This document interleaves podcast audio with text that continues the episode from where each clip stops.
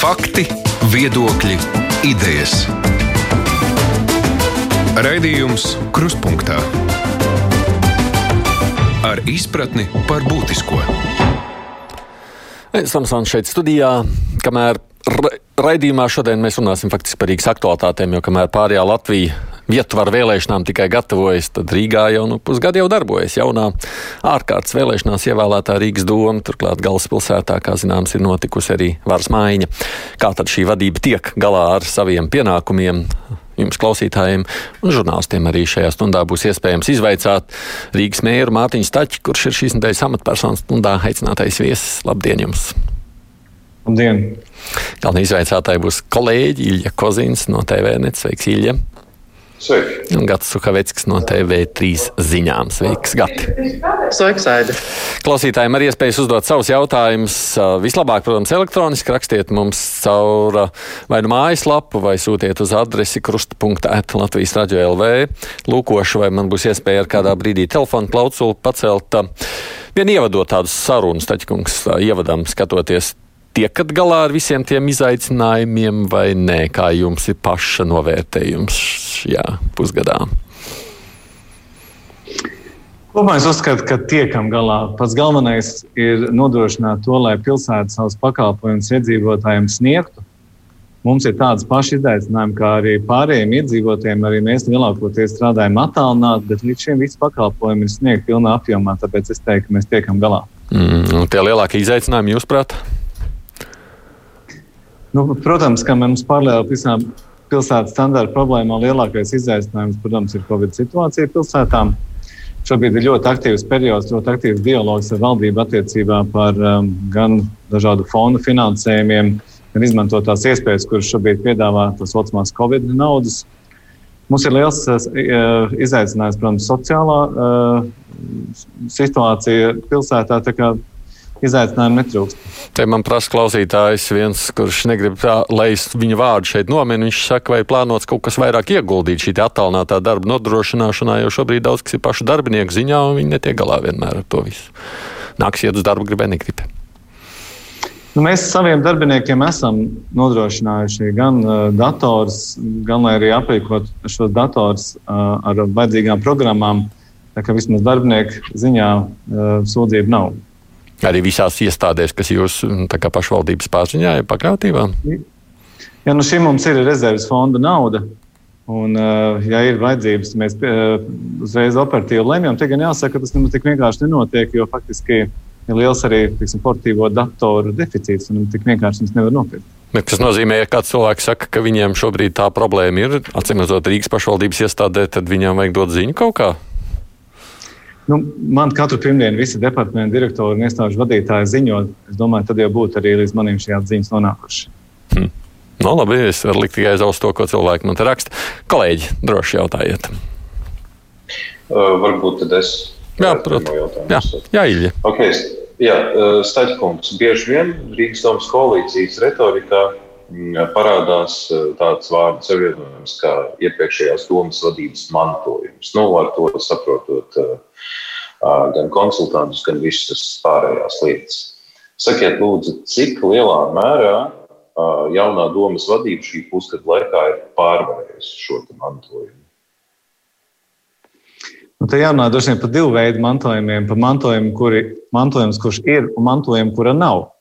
Piemēram, tajā brīdī, kad rudenī mēs varējām pies, pieteikties tā saucamajām Covid naudām, vidas aizsardzības un reģionālās attīstības ministrijā, izrādījās, ka atvilktne ir gandrīz tukša un vienkārši projekti, kurus iesniegt nemaz nav. Ka, nu, šis ir viens mantojums, ar ko mums jātiek galā.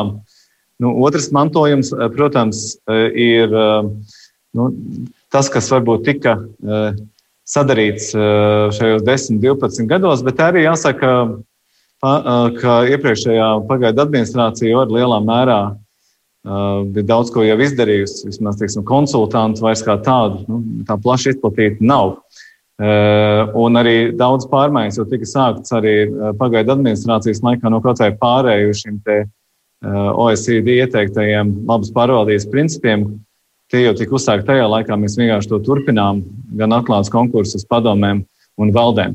Protams, ik pa brīdim kaut kas, kaut kāda pārsteigumi ik pa brīdim uzrodas. Bet mēs uz šīm situācijām reaģējam, ja ir kādas aizdomas vai ir kāds trauksmes cēlēja ziņojums, vai ieros, tiek ierosinātas pārbaudes, disciplināra lietas, nu, un arī notiek arī kaut kādas izmaiņas. Par tām jau arī jūs paši mēdī esat jau arī informējuši klausītājus. Atbildi ir dabūta. Jurģis te prasa ļoti konkrēti jautājumu šobrīd. Kad Rīgā mēs šobrīd pērkam pasaulē dārgākos ar ūdeņradu darbināmos autobusus, lai kaut vai samazinātu CO2 izmešu pasaulē, bet lūk, nopirkt lielgabarītu putekļu vākšanas tehniku, lai risinātu netīro Rīgas ielu problēmu, mēs nevīžojam. Ko jaunā doma darīs, lai šo risinātu? Man te vairākas vēstules saka, ka nu, ziemā tur sakais tās smilts, un pēc tam tur reizēm ir gadiem netiek novākts. Ir ielas, kur novāc centra, bet ir ielas, kur stāv, un tā putekļa problēma esot liela Rīgā. Tas notiek pēc noteikta algoritma. No sākuma sāk vākt pārvadus tiltus, tad ķerās pirmās kategorijas ielām, tad otrajās kategorijas, tad trešās kategorijas. Tā kā es teiktu, tas lielā mērā vienkārši ir laika jautājums. Protams, turēt tehniku tādu, kuru mēs varētu vienlaicīgi visas ielas iztīrīt, to mēs šobrīd atļauties nevaram. Šodien pats personīgi pārbaudīju centra ielas, redzēju, ka ir bijusi mašīna, kas savāc eh, smilts un putekļus. Bet tas prasa laiku līdzīgi kā ar sniegu eh, tīrīšanu un ielu kaisīšanu. No sākuma sāk ar šīm strateģiskajām ielām pārvadiem, pēc tam pirmās kategorijas, tad otrās un tikai tad trešās. Mm, okay. Gati. Aprīļa laikā visu iztīrīsim. Aprīļa laikā. Okay. Gati. Jā, izskatās, ka tagad ir saņemts pietiekami daudz vakcīnu, lai Lieldienās Rīgā varētu atvērt trīs lielos potēšanas centrus. Vai no domas puses visi mājas darbi ir izdarīti, piemēram, lai tur būtu ērti nokļūt? Jā, nu te ir tiešām svarīgi uh, uzskatīt, kāds tad ir mūsu atbildības sadalījums. Eh, pati vakcinācija, vakcinācijas med, nu, mediķu personāls, eh, rindu eh, menedžēšana un arī cilvēku apziņošana. Tas ir vakcinācijas birojas. Mūsu darbs ir sagatavot šo centru tā, lai tie būtu tehniski aprīkoti, lai tie būtu tīri, lai būtu nodrošināta sabiedriskā kārtība, informācija izvietot uz vietas, cilvēks saprast, kur iet, un tā skaitā arī satiksmes regulācija. Eh, tam centram, kur mēs varam, kā pašvaldība vaļā, tas ir centrāla tirgus, tur mēs redzam, ka nekāda īpaša papildus eh, nu, transporta kustība nav vajadzīga.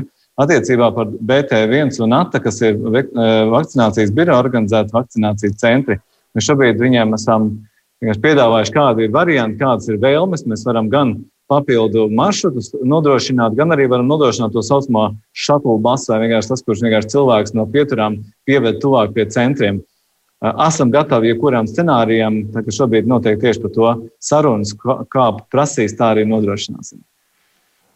Mm -hmm. okay. Par citām lietām, jā. Kaut ko jautās? Es drīkstu, jā. jā. jā. Es gribētu pajautāt vēl viens temats, kas arī paši interesē. Proti, šis te Čaka ielas vēlējos eksperiments tika nolēmts, ka tas tiks nu, pagarināts. Vienlaikus mums ir rīznieku aptauja, kur 65% uzskata, ka šis eksperiments ir radījis sarežģījumus satiksmē. Tad mans jautājums ir, kāpēc teikt, netika ņemts vai netika ņemts nu, pilnīgāk šis iedzīvotāju viedoklis? Jā, nu, satiksmes komiteja šādu lēmumu ir pieņēmusi. Es pats gan neesmu satiksmes komiteja, bet varu teikt, ka es šādu lēmumu atbalstu. Jo būtu visai tomēr, manuprāt, dīvaini, ka tad, kad ziema beidzās, cilvēki ir sagatavojuši savus velosipēdus, lai brauktu eksperiments tajā brīdī beigtos. Uh, šobrīd, uh, manuprāt, ir pareizi, ka tas tiek pagarināts līdz 1. Uh, septembrim vairāku iemeslu dēļ. Pirmkārt, šajā Covid situācijā mums ir vajadzīgs vairāk velo joslas, arī pagaidu joslas ir vairāk jāizveido, lai cilvēki mazāk brauktu ar sabiedrisko transportu. Otrkārt, lai mēs patiešām varam šo eksperimentu teikt, ka viņš ir noslēdzies, ir jābūt arī tam saucamajam pīķa laikam, nevis tikai tukšajam laikam. Uh, Mums ir, vajag, nu, ir vajadzīgi arī vairāk dati. Nu, šobrīd eh, tie dati, kas mūsu uh, rīcībā ir, ir tas, ka jā, sabiedriskais transports vidēji par sešām minūtēm ir kļuvis lēnāks Čakielā. Un te jāatrod vēl risinājumi, vai tomēr var atrast arī variantu, ka sabiedriskajā transportā šo kustību vēl ātrāk padarīt. Tur jau ir notikušas vairākas izmaiņas uh, luksusforu ilgumos.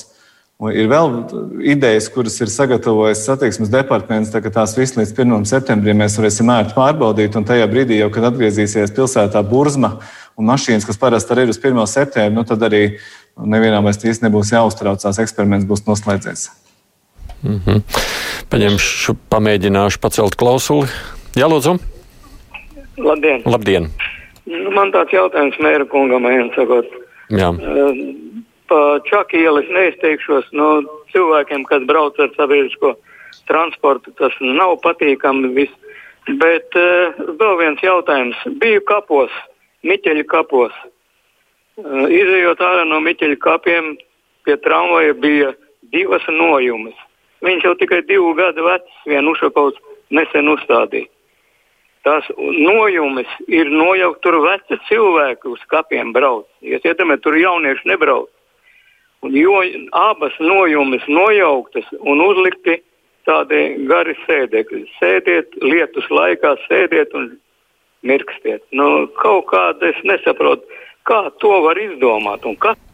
Nu, doma skaidra, kāpēc jānojauc to, kas nav, nav nedz vecs, nedz arī nolietojies.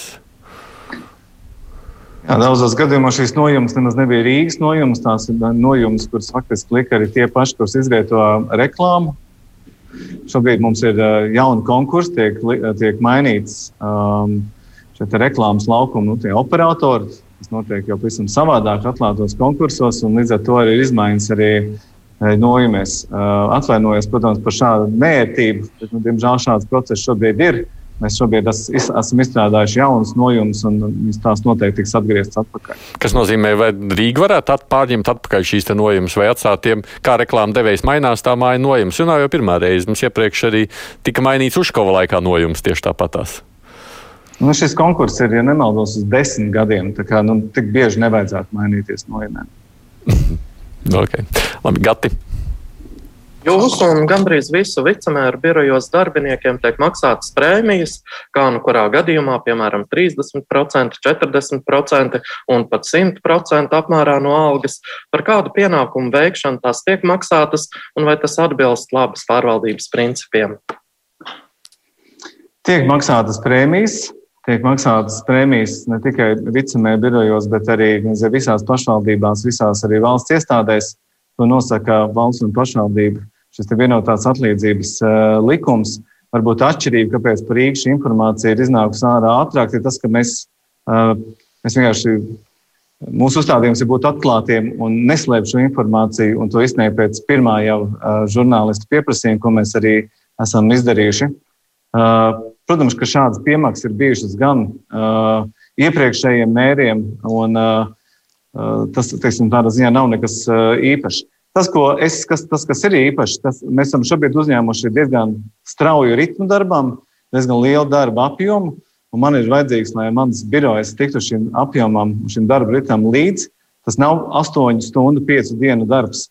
Un tiek maksāts piemaksas gan par papildu uzdevumu veikšanu, gan arī par papildu kompetencēm. Atsevišķos gadījumos, teiksim, vienā gadījumā, kā tas bija, kur bija arī šī simtprocentīga piemaksa vicemēra viņa ķirša biroja vienam no padomniekiem, tur bija arī veikts strateģisks uzdevums eh, tātad, eh, sagatavot šo TRF pieteikumu, arī novadīt šo procesu, bet arī šādi, šis process ir noslēdzies un vairāk šādas piemaksas uh, nav. Uh, un vēl var arī minēt to, ka mēs, mūsu darbiniekiem, mūsu padomniekiem ir viens darbs, mēs neejam šo ceļu, ko līdz šim gājuši bija citi uh, domas priekšādātāji biroji, kur, piemēram, biroja vadītāji, kur Muškova laikā strādā arī kā Rīgas ūdens padomē. Mums ir viens darbs, un tādas piemaksas, kā to paredz likums. Par konkrētu jautājumu vēl tādu. Savukārt Olafs interesējas Rīgā ir daudz problēmas, gan mobilitātes, gan gaisa kvalitātes problēmas, gan draudzīgās iedzīvotāju vidas jautājumi, kurus jūs varētu arī atrisināt ar ziemeļšķērsojumu izbūvu. Kāds ir vienkārši mēra viedoklis šī projekta attīstībai? Nu, mēs kopā neesam atteikušies no ziemeļa maģistrāles vai šī projekta, bet nu, šīs izmaksas aug uh, katru gadu. Es baidos, ka katrā ziņā pilsētā es neredzu, ka pilsēta varētu savu budžetu kādreiz uh, uzbūvēt šo vairāku miljārdu vērto uh, projektu. Tas, par ko gan es esmu gandarīts, ka mums izdosies pabeigt austrumu maģistrāli. Tur šobrīd iztrūkst viens posms, viņš jau diezgan ilgu laiku tiek glabājās atvilknē, un šobrīd mums ir ielikās izdevies panākt vienošanos ar valdību, ka šim, šī posma izbūvēi tiks piešķirti e, līdzekļi. Un domājam, jau līdz vasaras beigām noslēgt līgumu un uzsākt arī būvniecības darbus. Pa ziemeļu koridoru, nu, teiksim, godīgi, esam visai skeptiski, vai tas kādreiz e, vispār tiks uzbūvēts. Mm, okay. uh, man, ir, man ir jautājums par Rail Baltica projektu. Tur jau pat būvniecības darbi ir uzsākti.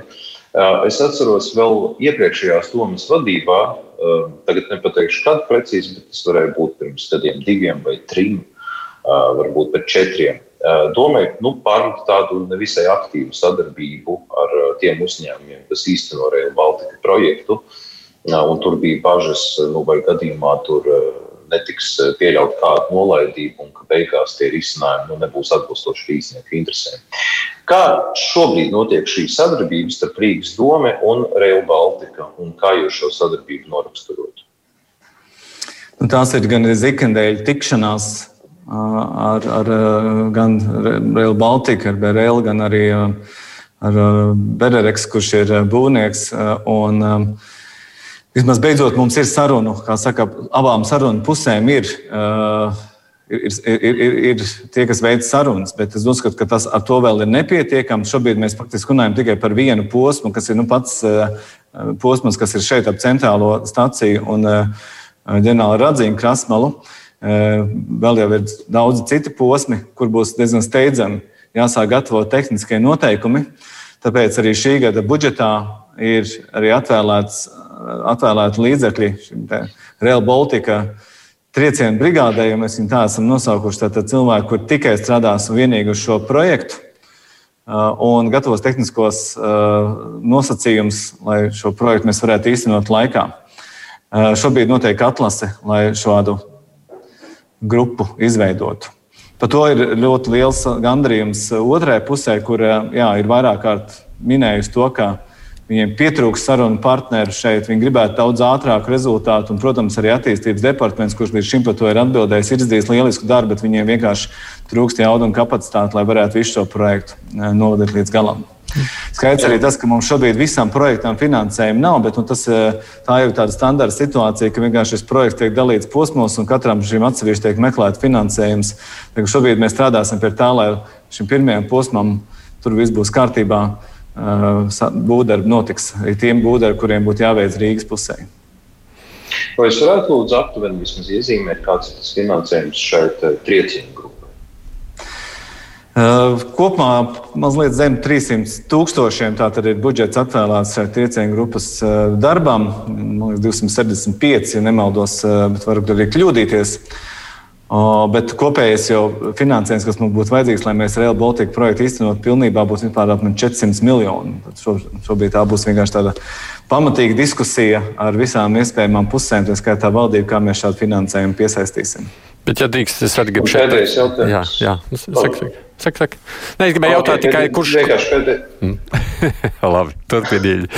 Aizcer kaut kādu. Jā, pēdējais jautājums vienkārši šajā blokā. Um, nu, vai Rīgas doma jau sāk nopietni domāt par satiksmes organizāciju? Skaidrs, ka kaut kādas izmaiņas jau ir, ņemot vērā to, kas notiek stācijas apkārtnē, bet uh, nu, vai jums reāli ir kaut kāds ilgtermiņa plāns, kā plānot satiksmi, uh, kad jau sāksies daudz vērienīgāki būt darbi?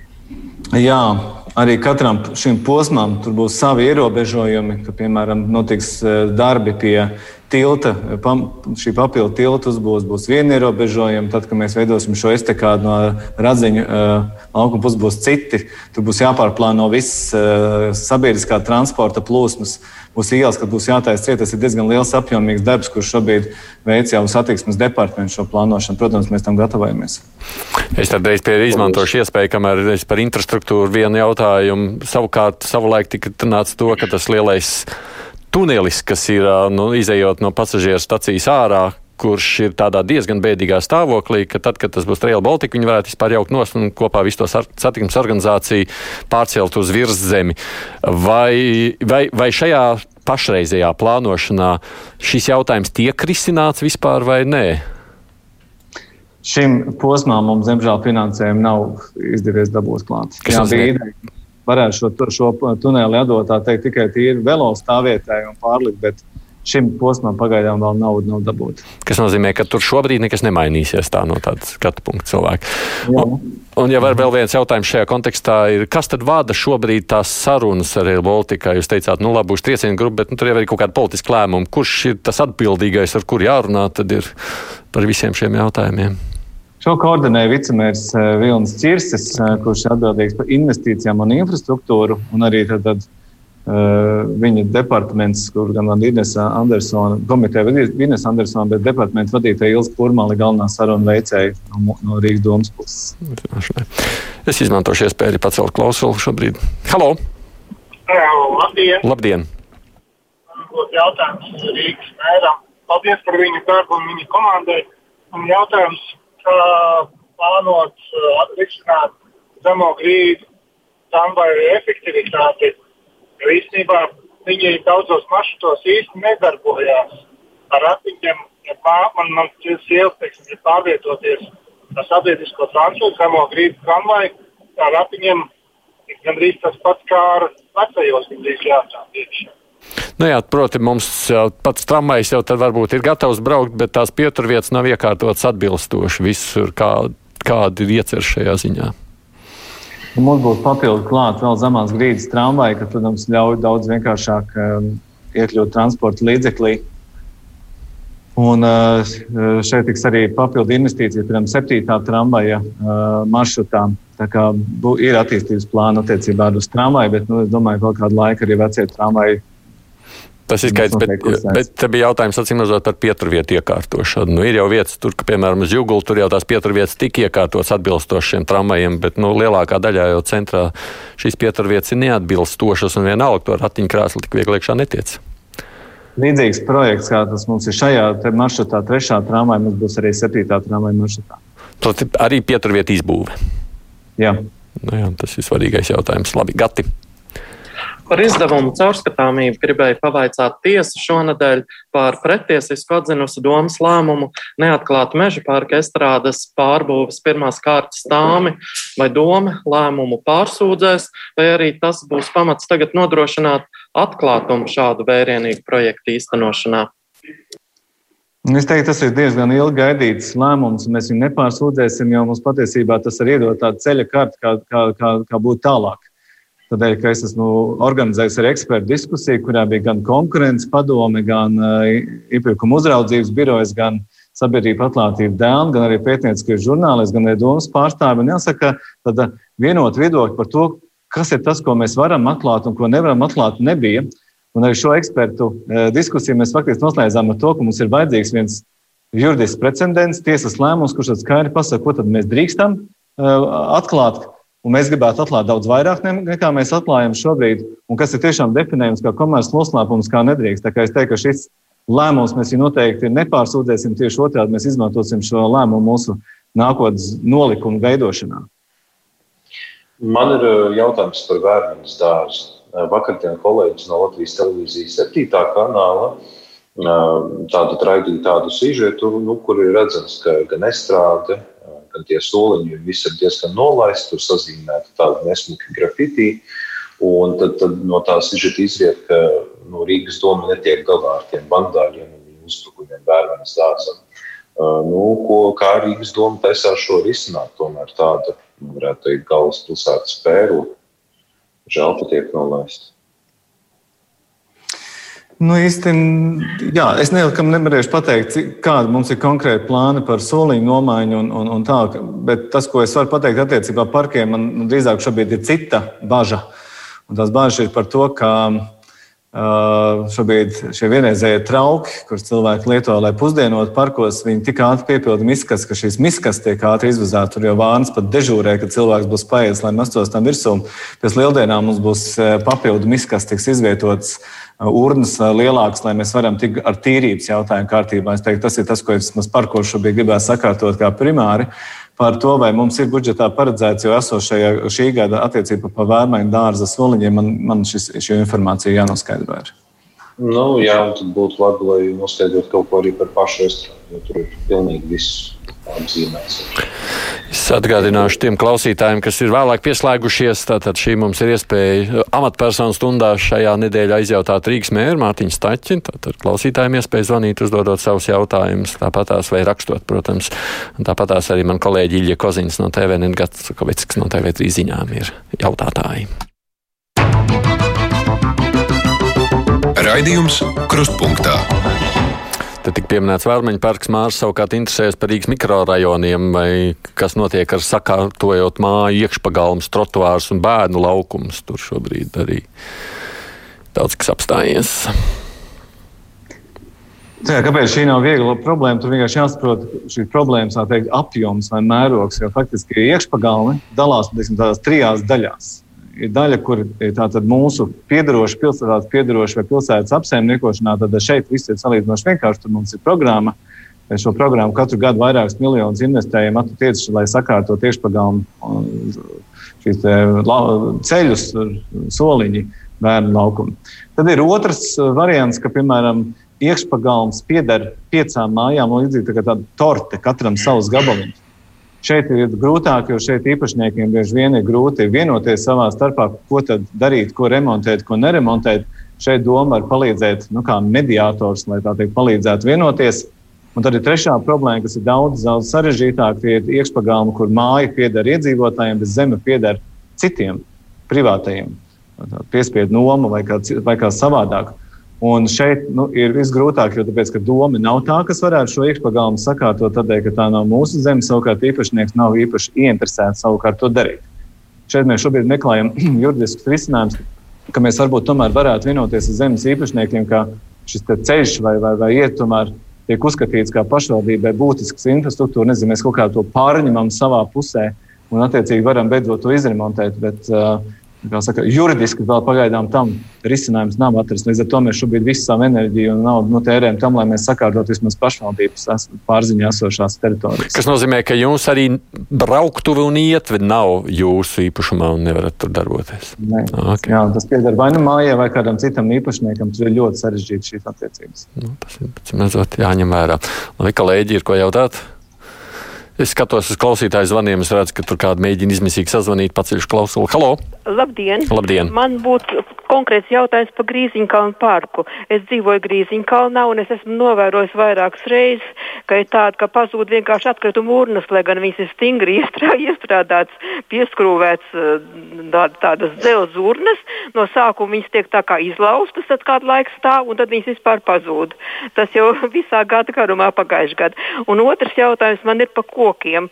Tāpēc, ka Grīziņkalna parka stūrī pie Asta ielas, kur ir autobusu pietura, tur bija kolosālas liepas, un tās liepas pamazām vienkārši pazūd. Tur kāds piecas liepas ir klusām vienkārši pazudušas un izcirsts, un tagad tur ir šausmīgs klājums, tā kā karstā saulē pilnīgi nav ko patvērties. Un tas pats notiek arī lēnām pazūd koki, um, asara un, un, un um, tālins jau stūrī pretim kristīgai vidusskolē. Tur bija ārkārtīgi skaisti divi lieli kastaņkoki un vairākas liepas, tur brīnišķīgs skvēriņš.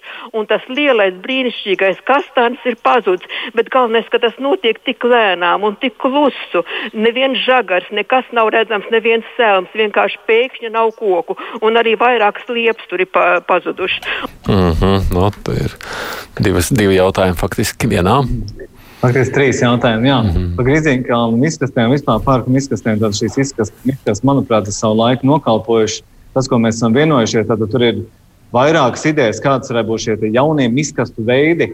Tos mēs šogad izvietosim uh, parkos, vienkārši lai saprastu, kurš no tiem vislabāk kalpo un strādā, lai tad nākamgad mēs varam nomainīt uh, šīs atkrituma urnas uh, parkos. Pagaidām vienkārši, lai parki būtu tīrāki dēļ tā, ka vienkārši šie vienreizēji trauki mētājās apkārt, tad mēs esam tādu pagaidu risinājumu šim pagaidu plasmas vienkāršiem zaļajām, jau pierastajām urnām. Jā. Attiecībā par kokiem, tad, tad nu, katram kokam, protams, ir savs mūžs. Ja koks ir nodzīvojis tādu mūžu, ka viņš vēl var stāvēt, viņš ir labā stāvoklī, neviens šādu koku neaiztiek, un mēs šobrīd īstenībā ļoti rūpīgi tam sekojam līdzi. Bet ir arī koki, kuri, protams, spūst, kuri ir tādā stāvoklī, ka viņi vienkārši var kļūt bīstami.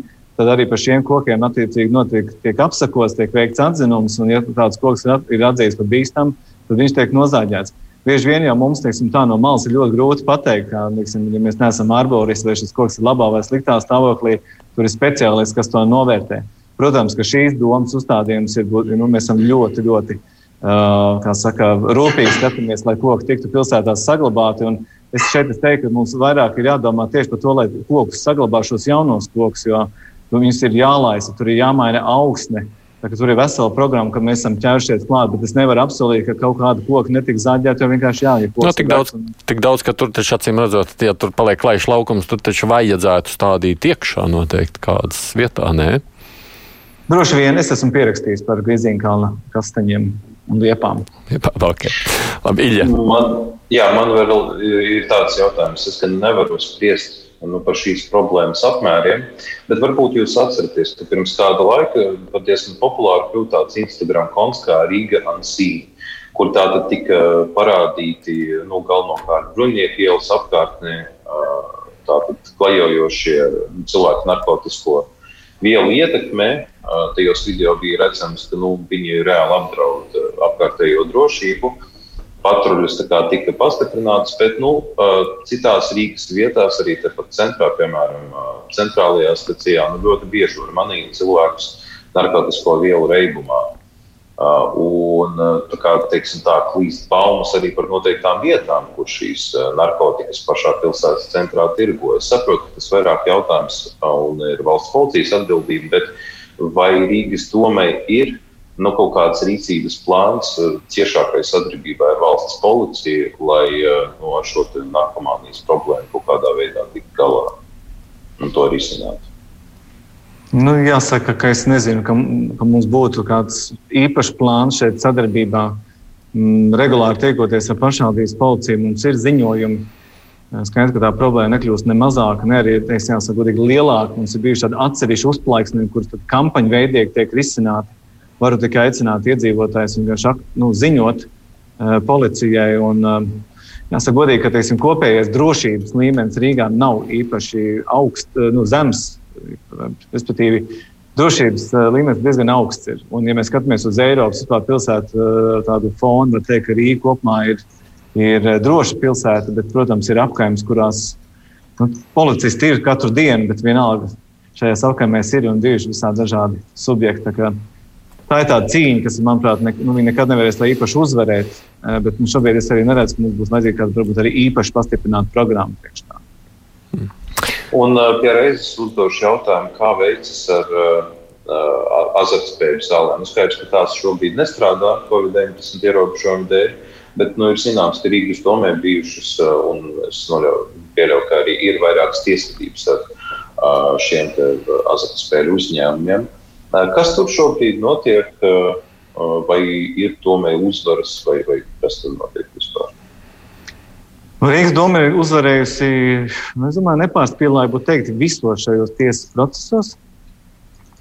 Mēs esam slēguši vēl papildus spēļu zāles, un, un šobrīd arī teritorijas plānojumā joprojām, joprojām ir šis punkts par to, kur var atrasties spēļu zāles. Pagaidām gan teritorijas plānojums nav pieņemts. Mēs viņu nevaram Covid laikā pieņemt, jo tāpēc, tur jānotiek obligāti klātienes diskusijām, lai šo plānu pieņemtu.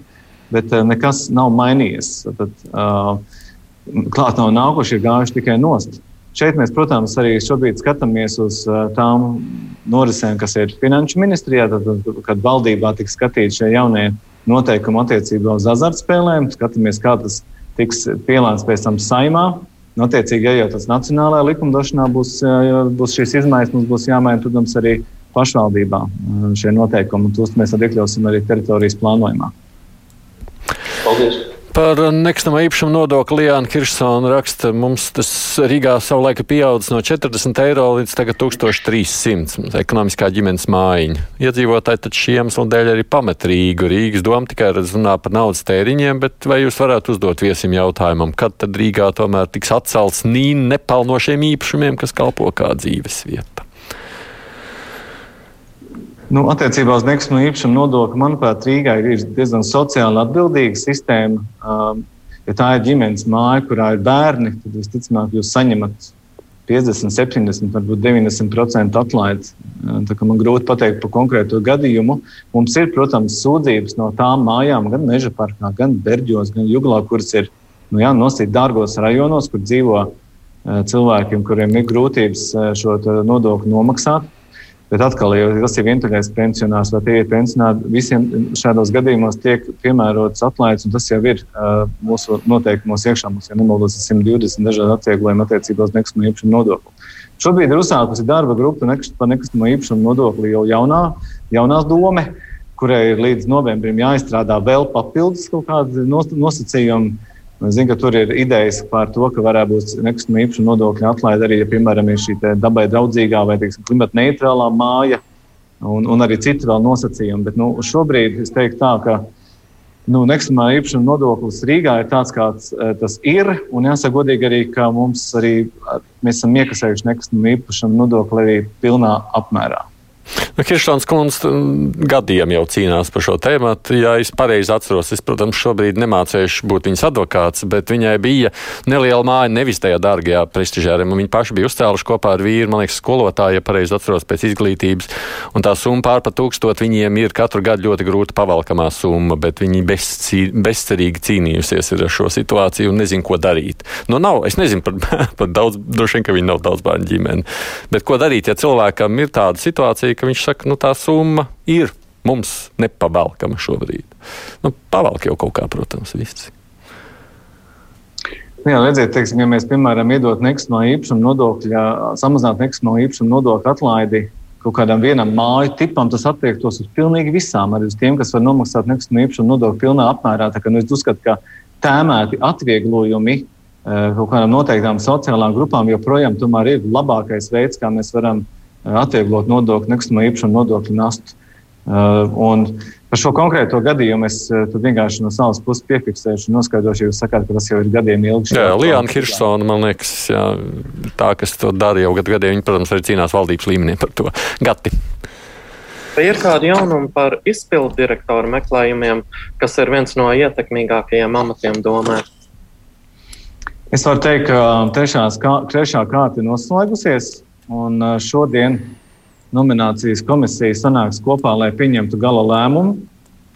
Un es domāju, ka rīt, tas ir ceturtdien, mums varētu būt jau arī publisks paziņojums par, no nominācijas komisijas puses. Rītdien varētu būt zināms amata pretendents. Amata pretendents, jā, to, kur nominācijas komisija virzīs, un tālāk jau tas būs politiķu rokās, kurš šo informāciju darīt. Okay. Mēģināšu pacelt klausuli. Halo! Labdien! Labdien. Krustpunktā? Jā, lūdzu. Turciem iedzīvotāji 90 gadu veci. Man ir privāti īpašuma zeme. Mums ir jākopja, jāpļauj, jāgrāb lapas, viss. Bet visapkārtējās mājas ved savus suņus. Vai mums arī tie suņu sūdi visu laiku ir jāpīt? Kas mums par to maksās? Ko lai mēs darām? Gadiem mēs tīram suņu sūdzes, kad visiem vajag suņus, lai veda pa saviem logiem, ko, par ko viņi maksā par zemi. Kādēļ uz privāto zemi visiem ir atļauts vest no visas pasaules? 90-gadīga privāta zemes īpašniece no purciem par suņiem. Ziņot pašvaldības policijai mēģināt pieķert šos nu, negodprātīgos suņu īpašniekus, kurais sevis nevar savākt. Nu, tā ir aktuāla problēma. Ir, ir godprātīgie un ir negodprātīgie. Negodprātīgiem vienīgais variants ir sodīt, un sodi ir pietiekami lieli, tikai visai grūti viņus bieži vien pieķert. Piemēram, eh, pašvaldības policija ir diezgan daudz ziņojumi eh, nāk caur aplikāciju. Nu, es saprotu, ka šeit, varētu būt grūti lietot aplikāciju, bet aplikācijā, kur ir konkrēti nofotografēta situācija, un arī eh, pašvaldības policija jau daudz precīzāk var savu darbību veikt. Bet ziņojot policijai, nav šobrīd citu variantu. Nu, jā, jā, jāzina konkrēti adrese, kur policijai doties. Mani. Uh, Lauris Lisbovskis, mūsu kolēģis, prasa, kad beidzot varēs sabiedriskajam transportam jēdzīgi nopirkt biļeti mobilajā aplikācijā. Nu, reiz par aplikācijām runājam, tad arī šeit. Nu, tas jauninājums, kas nāks pie esošās sistēmas, lai to uzlabotu, ir tas, ka būs šis QR kods, kurā jūs varēsiet caur telefonu tad iekārtot sabiedriskā transportā, noskriet šo kodu un norēķināties ar telefonu. Nu, tā ir tāda uzlabojums esošajai sistēmai. Bet nu, ir skaidrs, ka etalona sistēma jau teikt, tajā brīdī, kad ievies, jau bija novecojusi Tāpēc šobrīd ir tiek veikti pētījumi par to, kas ir tā atbilstošā modernā sistēma, lai mēs pēc iespējas ātrāk varētu izsludināt jaunu iepirkumu. Parasti šis aizņem divi gadi. Nu, mums un vicemēram Vilniem Čirsim ir uzstādījums, ka to vajadzētu izdarīt īsākā periodā. Bet, protams, ja mēs reiz ejam uz jaunu sistēmu, mums jāatrod tāda sistēma, kas atbilst visām mūsdienīgajām prasībām ne tikai šodien, bet arī nākotnē. Un ļoti svarīgi arī samazina izmaksas, jo, lai arī etalonu sistēmā mēs šobrīd esam milzīgi ietaupījumi jau veikuši, es uzskatu, ka tā joprojām ir visai padārga sistēma priekš Rīgas. Bet ir tā, tā, jā, ir tā, ka no rītdienas to etalonu Arvisenā nevarēs nopirkt. Kāds klausītājs sūdz, sakot, ko tad nu, tā darīs. Tā jau ir vienīgā vieta, kur iet parasti pirkt to biļeti. Tur bija jauns konkurss, un tas tika sadalīts vairākās lotēs. Ir kaut kādas lotes, kur uh, Narvisē nažu veikali nav iekšā, bet kopumā lielākajā daļā - 160 Narvisē tirdzniecības vietās, joprojām etalonu varēs nopirkt. Kādā ziņā nevar būt tāda situācija, ka etalonu nevarēs nopirkt kaut kur, kaut kādā reģionā, jo šajā lotē vienalga bija kaut kāda tirgotāja, kas pieteicās un uzvarēja. Mm -hmm. Labi, kolēģiem ir ko jautāt? Jā, jā kādi jaunumi ir tajā sadarbībā? Rīgas sadarbībā ar Pierīgas pašvaldībām. Kā zināms, tad ir šī vīzija par Rīgas metropoli, tātad gan attiecībā uz transporta tīkla apvienošanu, gan citos jautājumos, kādi jaunumi ir šajā jomā. Jā, nu, šī apvienība kopumā šobrīd daudziem uzkuņas, tā varētu teikt, mums ir pievienojusies ne tikai visas ar Rīgu robežojušās pašvaldības, bet arī divas citas, kas ir Jūrmāla un Sigulda. Pirmdien mums šajā apvienībā bija arī tikšanās ar Vides aizsardzības un reģionālas attīstības ministriju, un tad runājām par daudziem jautājumiem, bet es teiktu, izaicinājumi ir, ir daudzi, un šis ir labs formāts, kur mēs šos izaicinājumus varam apspriest. Un es teiktu, ka, piemēram, viens no izaicinājumiem, kas jau ir sen aktuāla problēma, ir kanalizācija un ūdens novada sistēmas ir visas pasaules metropolēs. Parasti nevis katra pašvaldība veido savu, bet visi slēdzās klāt lielajai sistēmai, kas ir nu, galvaspilsētas sistēmai. Šobrīd tam ir gan likumdošanas problēmas, gan arī daudz citas problēmas, lai to varētu izdarīt. Ir skaidrs, ka uzturēt, teiksim, nezinu, Mārupē vai Ādažiem vai Garkalnē savu šādu ūdens attīrīšanas sistēmu ir daudz grūtāk nekā, un daudz dārgāk nekā to izdarīt, teiksim, pieslēgoties. Bet, lai pieslēgtos, tur mums faktiski jāveido būtu jauns uzņēmums, kurā, protams, arī šīs pašvaldības piedalās arī izmaksās un investīcijās. Tā kā visi šie jautājumi šobrīd tiek likti uz galda. Un eh, tādā veidā jau tiek runāti gan ar eh, valdību, gan arī mēs varam tos par tiem vienoties savā starpā. Mhm. Bet tas grūtākais droši vien ir vienoties par to finansējumu. Nu, jā, bet, jā, ir jautājumi, kur vienkārši mums nu, ir vienota saskarsme, un ir tādi jautājumi, kurus visticamāk mēs vienkārši neaiztiksim, jo tāpēc, ka tur kompromiss nebūs. Nu, piemēram, viens tāds labs piemērs šobrīd ir tas, ka mēs esam vienojušies, un nu, jau visas pašvaldības tam ir piekritušas veidot kopīgu datubāzi par pirmskolas izglītības iestādēm. Jo mums ir jāsaprot, ja mēs, piemēram, būvējam bērnu kaut kur pie kaut kādas pašvaldības robežas, vai tas ir Vai tas ir aktuāli arī šai pašvaldībai? Un, teiksim, pašvaldībai nevajadzētu varbūt savu bērnu būvēt kaut kur tur blakām. Un es teiktu, šīs te kopējās datu un datu vispār apmaiņa, kas ir tagad mums sākusies, mums vienkārši ļaus pašiem daudz labāk plānot savu attīstību nākotnē. Un to šobrīd ir sapratuši visi, ka tā ir brīnišķīga lieta, ko mums vajag turpināt darīt. Nu, Pacelšu klausuli. Halo! Uh, labdien! Labdien. Man mērkungam tāds jautājums uh, tādu nelielu atkāpīti, uh, braucot pāri akmens tiltam no vecrīgas, no, no pārdaugavas puses, skatoties uz vecrīgu, nu, skaistākā pilsēta pasaulē. Bet iebraucot tajā pilsētā iekšā, liekas, ka ir iebraukts kaut kādā Krievijas piepilsētā, jo reti kura māja, kura vārti, elektrības skati, kuri nav apķēpāti. Un tāda ir visa pilsēta. Vai esat kaut ko domājuši ar to darīt? Sienu apzīmētāji? Nu, man jāsaka, ka Rīga vēl šajā ziņā uz, uz vispār Eiropas fona vēl ir pasaudzēta. Un, uh, neviena Eiropas pilsēta nav tikusi galā ar šo problēmu. Un skaidrs, ka tas tur ir īpaša kustība, kas to dara, kas, kas, kas, kas zīmē. Viņi to dara tādās stundās, lai viņus nevarētu pieķert. Un, katram klāt mēs nevaram izstāvēt. Bet jāsaka, godīgi, ka vismaz teiksim, tas goda kodeks šiem zīmētājiem ir tāds, ka vismaz jaunās celtnes un svaigi krāsotās fasādes viņi neaiztiek. Par to, protams, viņiem liels paldies. Bet, protams, ka mēs gribētu izķert visus šos zīmētājus un sodīt. Tas ir ļoti, ļoti sarežģīti izdarāms. Bet policija, policija pašvaldības to dara vispār? Jā, kā saņem ziņojumu, tā, protams, uzreiz ir reaģija. Mm. Gati, tev ir ko jautāt? Jā, kā notiek gatavošanās pasaules čempionātam hokeja, kam Rīgā jānotiek jau pēc diviem mēnešiem, laiks rit raiti, vai viss notiek glūdi, vai tomēr ir kādi izaicinājumi un problēmas? Rīga nodrošinās komandas ar sabiedrisko transportu. Rīga uzņems viesus. Šobrīd tas, kas mums ir teiksim, tāds nu, neat, neatbildēts jautājums, vai mēs varēsim viesiem arī sarīkot tādu kā uzņemšanas pasākumu, vai atļaus epidemioloģiskā situācija. Rīga būs izgraznota. Maijā būs ne tikai svētku sajūta, kā valsts svētku sajūta, bet arī hokeja svētku sajūta. Rīga ar būvvaldes palīdzību nāk pretīm čempionāta rīkotājiem attiecībā par šīs vietas iekārtošanu. Rīgā arī jā, finansēs lielā mērā pusmiljonu. Mēs no Rīgas budžeta veltīsim hokeja čempionātam. Reiz divās nedēļās mums ir tāds atskaites sapulcs, kurus organizēja Izglītības un zinātnes ministrs kungs, kurā mēs ziņojam. Šobrīd viss notiek pēc plāna, vismaz no Rīgas puses noteikti. Mm -hmm. Pēdējā laikā Mārtiņš Kalaus, mums kolēģis raksta, pēdējā laikā Rīgā koalīcija ir noraidījusi visu opozīcijas ierāsinājumus par pabalstu palielināšanu atsevišķām iedzīvotāju grupām. Šodien doma lems par papildus 100 eiro politiski represētajiem, bet komiteja arī iepriekš to noraidīja. Vai doma arī noraidīs? Un kādēļ tā? Prasa Mārtiņš. Nu, opozīcija dara savu darbu.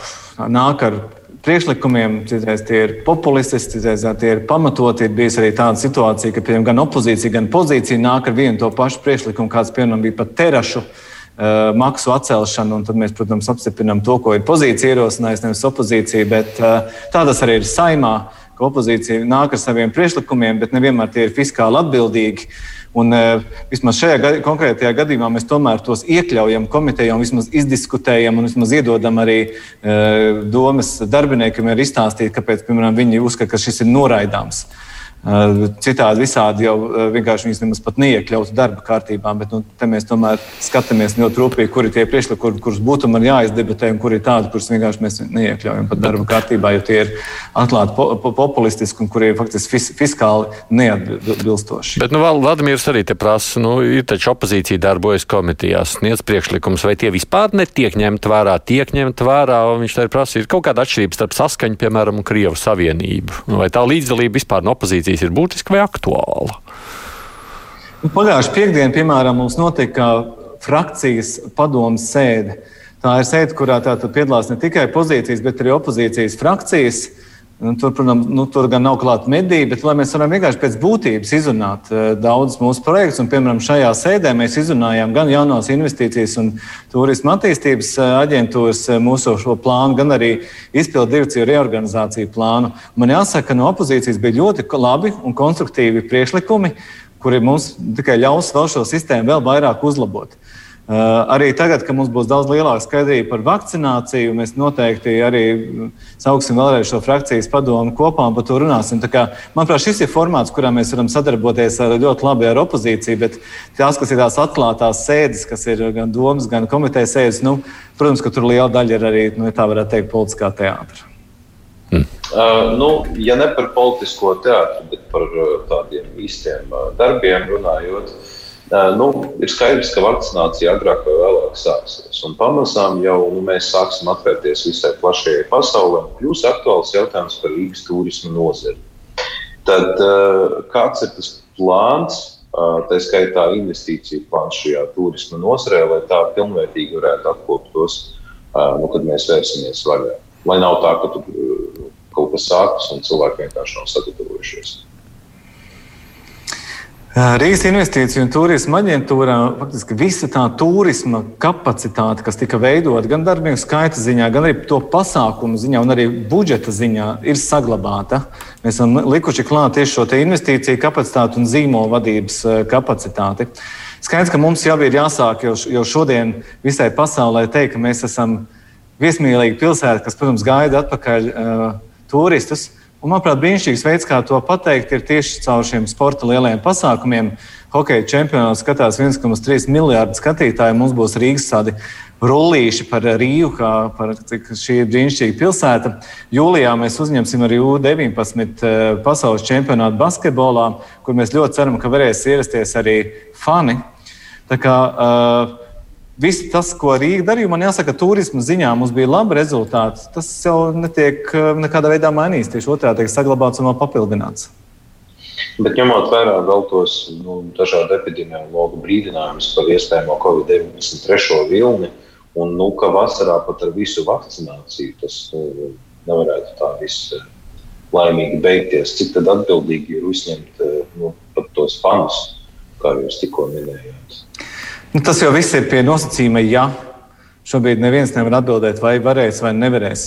Bet uh, mēs drīzāk šo izmantojam nu, ne tikai lai šeit Rīgā būtu iespēja atbraukt faniem. Ja viņiem būs tāda iespēja atbraukt pie mums hokeja čempionātā, mēs īpaši, nu, protams, negaidām, ka būtu daudz arī uh, fanu. Bet uh, drīzāk, lai reklamētu Rīgu kā lielisku galamērķi, tad, kad ceļot varēs.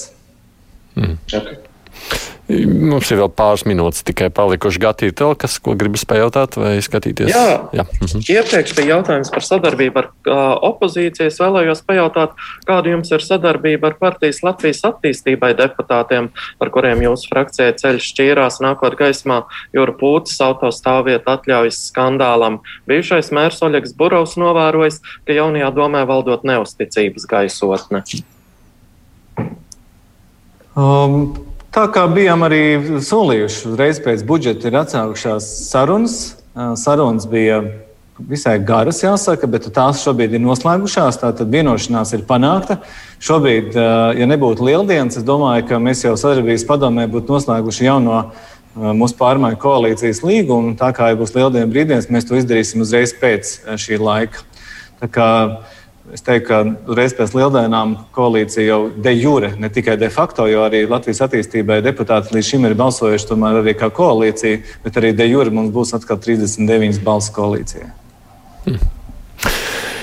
Es pabeigšu varbūt ar tādu mazliet netipisku vēstules nolasīšanu. Rolands raksta šādi: Sveiki! Es vēlējos paslavēt Staķa kungu un noteikti arī viņa komandu par aizdomāšanos par tādu lietu kā kvalitatīvs video zvans. Mēs jau gadu dzīvojam šajā pārmaiņu laikā. Video zvani ir kļuvuši par normu jau mēdījos, un šeit jums ir gan laba bilde, gan laba skaņa. Darētu kādiem pamācīties un pats konsultēties ar jums par šo, lai jebkurai publiskai personai, kas ir aktīvi mēdījos, vēl jau vairāk sabiedriskajā būtu līdzīga kvalitāte. Paldies un veiksmes! Mums ir tiešām lieliska komanda Rīgas domē, kas var nodrošināt šādu pakalpojumu. nu, kas mums, protams, kā medijām arī ir svarīgi, tāpēc es arī saku paldies vismaz par šādu iespēju izbaudīt šo sarunu šādā veidā. Paldies tātad Mārtiņš Staķis, Rīgas mērs, paldies par vēl atvēlēto stundu sarunai ar mums. Paldies! Es saku arī kolēģiem Ilja Kozins no TVNet un Gatis Uhaveckis no TV3 ziņām. Paldies arī jums par to, ka ir gatavi izvaicāt. Un klausītājiem par ļoti daudz vēstulēm. Patiešām, nu, es atzīšos, es paspēju uzdot, nu, varbūt vienu 50. daļu no visiem jautājumiem, kas atnāca, nerunājot pa telefonu zvaniem, kas arī bija šeit. Rīt mums kruspunktā diskutēt. Lūdzu, šos jautājumus mums. Varam pārsūtīt, jā, tā lieta ir izdarām noteikti. Labi pēc tam par to aprunāsimies. Producents tevi Junāms studijā bija Rēsaids Tomsons.